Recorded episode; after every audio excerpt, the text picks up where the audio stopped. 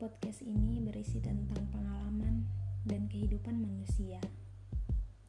Menjadi perempuan, perantau, dan kegelisahan di umur 20-an. Banyak hal terjadi dan kita terus mempertanyakan.